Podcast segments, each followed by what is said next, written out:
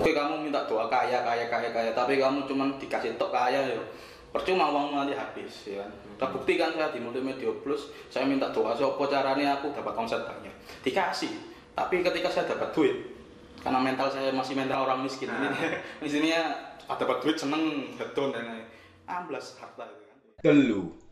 Loro siji action. Kalau ini mas, em, apa sih sebenarnya untungnya usaha di sini di spare part ini? Ya kalau untung jadi ini saya membandingkan dengan usaha dulu ya. Kalau di multimedia plus jasa itu enaknya tuh gak pakai modal. Kita cuma modal skill. Saya bisa buat video yang buatkan. Saya bisa eh, apa fotografi ya ayo nggak usah modal bahkan beli kamera pun ya bisa pinjem atau bisa nyewa. Ini yang nggak terlalu punya modal banyak dan untungnya itu juga besar karena kan nggak usah pakai operasional yang lain potongannya nggak terlalu banyak untungnya besar. Cuma tahapannya itu lama. Kadang deal 100 juta oh 100 juta. Iya kalau nanti dua bulan kemudian 100 juta cair kalau cuma cair 20 juta gara-gara kamu gagal nyelesain sangat hmm, diputus tengah-tengah dan dan apa operas- operasional operasionalmu gaji orang itu terus jalan. Ya percuma.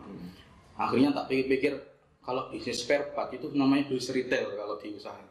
Jadi retail itu harus stok barang harus punya stok barang. Dan jualnya itu ke orangnya itu enak langsung. Lo mas saya punya spare part apa nih? Rantai rantai motor. Jual berapa? 200 ribu. Sedangkan harganya cuma 100 ribu. Saya kan dapat untung cuma 100 ribu. Tapi kan untungnya itu loh langsung. Gitu. Hmm. langsung. Dan meskipun kecil tapi terus. Kalau satu orang 100 ribu. Kalau 10 orang 20 orang. Terus. Berarti intinya bisnis ini menjanjikan makanya saya beralih ke dunia jasa ke Produk. dari jasa ke ke produk. Hmm. Jadi kalau produk itu yang pertama bisa diukur ya kan, kemudian dia itu cash flow-nya cepat, cepat ya kan, cash flow-nya cepat. Jadi eh, beli beli beli barang laku kan dapat dapat apa namanya laba atau profit ya kan, ya, seperti itu. Jadi cepat cash flow-nya itu cepat ya. Eh, jadi kelebihannya barang dan jasa di situ. Kalau jasa itu memang eh, nominalnya besar, tapi memang untuk jangka waktunya memang cukup panjang. Panjang. Nah, jadi kelebihan dan kekurangannya antara jasa sama produk di situ. Eh, kemudian ini mas, eh, berarti untuk ingin membuka sebuah usaha spare part berarti harus eh, modal modalnya ya lumayan mas ya. Nyetok nyetok barang juga. sebenarnya iya emang sebenarnya punya modal harus punya modal banyak. Karena barang kan kalau katakanlah barang itu 100 ribu sedangkan permintaan bisa 100 berarti kan kita butuh banyak kan 10 juta. Nah cuman kan sekarang kan banyak cara. Makanya digital marketing itu membantu kita. Buat orang-orang yang masih awam yang tidak punya modal sama sekali dengan adanya digital marketing Anda bisa menjual tanpa modal. Nah caranya itu bisa ikut reseller atau dropship. Sekarang banyak kok kita jual ciki jual apa masa tak bantu jualin? Nah itu namanya dropship. Nah kalau dulu saya memang nggak modal sama sekali hitungan dan juga nggak dimodalin bosnya tapi intinya ya aku dropship namanya atau reseller. Aku nggak terus nyetok barang tapi dia punya barang bosnya. Ya aku jualin dapat profit berapa atau dapat komisi berapa. Itu coba dilakuin. Nah yang punya yang bisa jalankan itu ya digital marketing. Kalau konvensional agak susah Oh iya agak susah Oyong-oyong balik kan. Ini gak payu pak. Susah pak balik nomor. nah itu Anu mas, eh, untuk eh, dulur-dulur yang nonton video ini ada eh, bisa nggak buka toko spare part sendiri dengan cara dropship tersebut? bisa kalau di saya nanti tak kasih kontaknya di link bawah ini ya misalnya nanti hubungi saya tak kasih, kasih formulir intinya emang nggak perlu modal cuman harus nurut lah SOP kita. Ya kan? Biasanya SOP-nya adalah yang pertama kalian harus punya akun sosial media sendiri. Jangan dicampur WA pribadi dengan WA bisnis. Kalau sampai pacari. Jangan jangan dicampur sosial media jangan dicampur foto-foto alay karena kalau dicampur foto-foto alaymu itu masih normal. Kemudian ini kalau apa namanya kan ada broadcast itu. Ah, Ah, jadi lebih mudah untuk promosi mudah. ya kan. dipisah punya akun mas saya sudah punya akun saya sudah daftar. Ya kok caranya? Nah biasanya saya kasih satu merek. Misalnya ini contoh nih merek triple S ya. Triple S ini emang paling rame. Itu jual gear set namanya gear rantai dan uh, fan belt di Matic ya. Nah itu saya kasih satu merek tok satu jenis. Nah tak kasih foto tak kasih harga tak kasih testimoni tak kasih secara teknis ukuran gear motor ini apa. Nah anda pelajari dulu jangan action dulu pelajari dulu. Setelah itu silakan posting silakan jual ke teman-teman dulu atau ke mana nggak apa-apa. Soalnya spare part ini atau variasi ini dibutuhkan masyarakat. Baik anak muda maupun bapak-bapak yang tiap hari pulang kerja kalau misalnya rantai ini copot kan sangat aja butuh gitu. Eh, dan apa ya sekarang eh, usaha otomotif juga lagi booming boomingnya ini mas. Nah, booming booming yang zamannya corona ini. Itu saya juga agak kaget sih. Tak saya kira corona ini bisa membuat usaha kita tuh makin turun. Ya ternyata makin rame. Saya nggak tahu kenapa di dunia spare part ini bulan kemarin yang yang kita PSBB di lockdown lah istilahnya itu saya kira tuh usaha kita bakal turun. Ternyata tuh naik ya karena mungkin ada sebagian orang yang masih lalu lalang untuk pergi sehingga sehingga motornya itu harus diservis harus beli spare part baru nah itu masih rame permintaan toko juga masih rame. Cuman memang eh, saya kan grocery saya kadang juga ngasih istilahnya tempo lah istilahnya. Yaudah tak kasih barang kamu bayar seminggu dua minggu. Nah itu kan kadang dia minta molor. Jadi menurut saya bisa kok spare part ini apa pun ke- kendalanya bisa. Ya. baik corona apa tipes apa. Saya yakin bisa saya bisa. Iya, iya.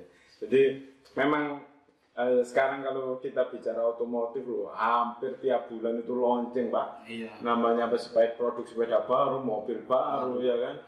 Eh, jadi industri otomotif ini nggak ada matinya. Matinya. Bahkan saat ini kayak seperti kebutuhan pokok. pokok iya ya kan? Siapa yang nggak punya transportasi sekarang? Bayangkan kalau dulu memang eh, zaman dulu ya 75 yang punya sepeda Ah, 75 itu itu udah orang orang mewah sekarang hampir semua itu Semuanya punya. minimal punya beat minimal punya beat ya kan. Jadi eh, tinggal hitung aja berapa populasi di, di Indonesia ini. Otomatis eh, ya segitu besar potensi industri industri otomotif ya seperti itu. Sebenarnya ada lagi nih kayak eh, customer saya atau saya dropshipper saya. Mas kalau saya pengen jual spare part kayak gitu-gitu. Nah kalau misalnya dia beli satu kali kan nggak mungkin mas. Besoknya dia beli lagi. Paham nggak? Misalnya nah ya ya beli rantai atau beli apa nggak mungkin mas ini beli lagi. Mereka nanti putus nunggu putus. Hmm. iya sebulan kalau dua bulan tiga bulan nggak beli lagi. Cuman ya saya jawab ya mas yang butuh spare part ya gak cuma orang itu. Seluruh Indonesia bahkan mungkin kalau mau merambah ke luar negeri ya ayo. Ininya nggak nggak perlu dihitung logika seperti itu. Jadi benar-benar spare part dan otomotif ini itu sangat dibutuhkan masyarakat. Buktinya kita eh, tiap hari ada penjualan ya kan Hmm. bahkan di zaman corona ini toko-toko saya juga permintaannya produk juga banyak cuman memang kendalanya itu di stok barang Hmm. bayangkan kalau sampai ada toko yang stok barangnya kurang itu biasanya laris gitu laris sampai kita kekurangan stok barang nah kalau corona zamannya corona itu kendala cuma stok barang Stok barang. kita nggak bisa memenuhi permintaan pasar pasar Iya. Hmm. berarti ya berarti memang untuk dunia otomotif ini ya eh, adanya corona ini berdampak pada stok barang mas. Jadi seperti itu. Eh, mas untuk apa namanya yang baru dan awam ini di dunia dropship dan eh, apa namanya spare part ya kan nanti bisa dibimbing nggak mas? Bisa nanti bisa dibimbing. Intinya jangan ragu untuk usaha apa pun ya meskipun bukan spare part. Kalau saya jelaskan masalah dropship ya kadang orang tanya atau kepingin buka usaha kan kendalanya pasti modal sama mungkin takut rugi atau istilah takut gak bisa jual. Nah kalau masalah modal sekarang kan solusinya ada yang namanya dropship. Kalau reseller itu biasanya emang ada stok barang dia beli dulu. Kalau dropship bener-bener dia nggak modal. Paling modal pulsa dong untuk posting dan lain sebagainya. Ya, saran saya mulai dari dropship cari produk yang paling laris. Kalau misalnya spare part mau saya bimbing di dunia spare part yo ayo. Soalnya merek-merek kita terkenal semua. Kebanyakan emang saya sih impor dari Malaysia. Produknya MotoGP kebanyakan. Jadi sudah punya merek dan pembeli saya itu orang-orang yang gila merek istilahnya dan emang kualitasnya bagus. Jadi jangan takut cari produk yang menarik terus hubungi orang itu sudah jangan ragu lah istilahnya. Tawarkan nanti dibimbing mas. Itu Oke mas, Eh, terakhir mas, Hmm. pesan buat dulur-dulur ATTV ini mas Eh, biar bisa sukses minimal ya omset segitulah Ya, yang pertama is, kalau saya sih jangan lupa sama kedekatan yang di atas sebenarnya. ya, karena menurut saya itu kan semua harta kita yang kan titipan istilahnya, ya kan? Ya kan, kalau misalnya kita minta apa pun, ya pasti dikasih intinya sama di atas. Tapi kalau sudah kita dikasih sombong dan gak mau belajar, ya pasti yang di atas akan ngambil lagi. Intinya yang pertama kalau mau sukses di dunia apa pun baik kerja, jabatan, usaha, eh, perbaiki perbaiki dulu masalah yang di atas ya kan? Kedekatannya dulu setelah itu ayo dipikir kira-kira yang membuat saya sukses ini apa. Kalau memang usaha yang paling cepat untuk sukses adalah berwirausaha. Nah eh, mulai pertama adalah riset barang. Kira-kira riset pasar atau barang mana yang paling laris?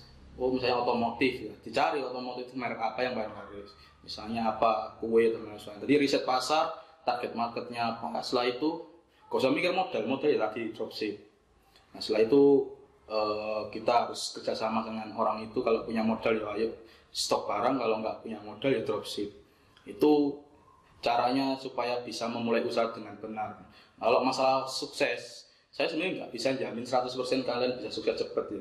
Atau seperti saya atau seperti yang wirausaha lain. Kebanyakan mereka yang sukses itu pasti jatuh bangun ya kan? Karena kalian harus daftar pros apa daftar yang namanya ujian-ujian berproses banyak. Nanti kamu akan bisa mengalami kalau spare part ini ditolak orang pernah ya kan?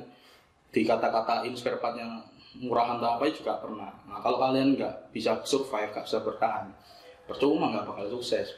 Pasti bangkrut intinya intinya tetap konsisten jangan jangan takut lah istilahnya. Iya. Ber- Berarti inti eh, pesan dari Mas Dio ini intinya konsisten ya kan? Belajar eh, upgrade diri juga.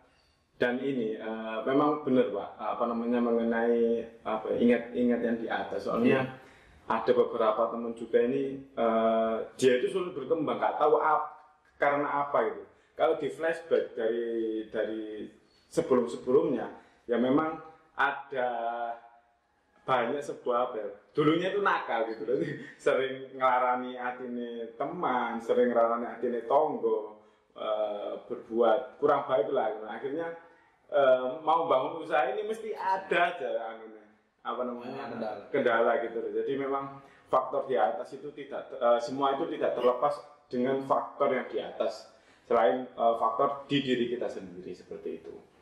Eh, Oke, terima kasih. Eh, sekian video kali ini. Eh, wawancara singkat dengan Mas Dio Septisian eh, yang sukses berhasil eh, memiliki toko sendiri sekarang yang bermula dari seorang karyawan dan berjiku bakunya seperti itu dan omsetnya tadi seperti itu 50 sampai 250 yang Iya. per juta eh, juta per bulan. Eh, terima kasih dulur-dulur ATTV dari desa untuk negeri. body, I'm an icon, man. And my girl about a 10. I should fuck her in the Benz.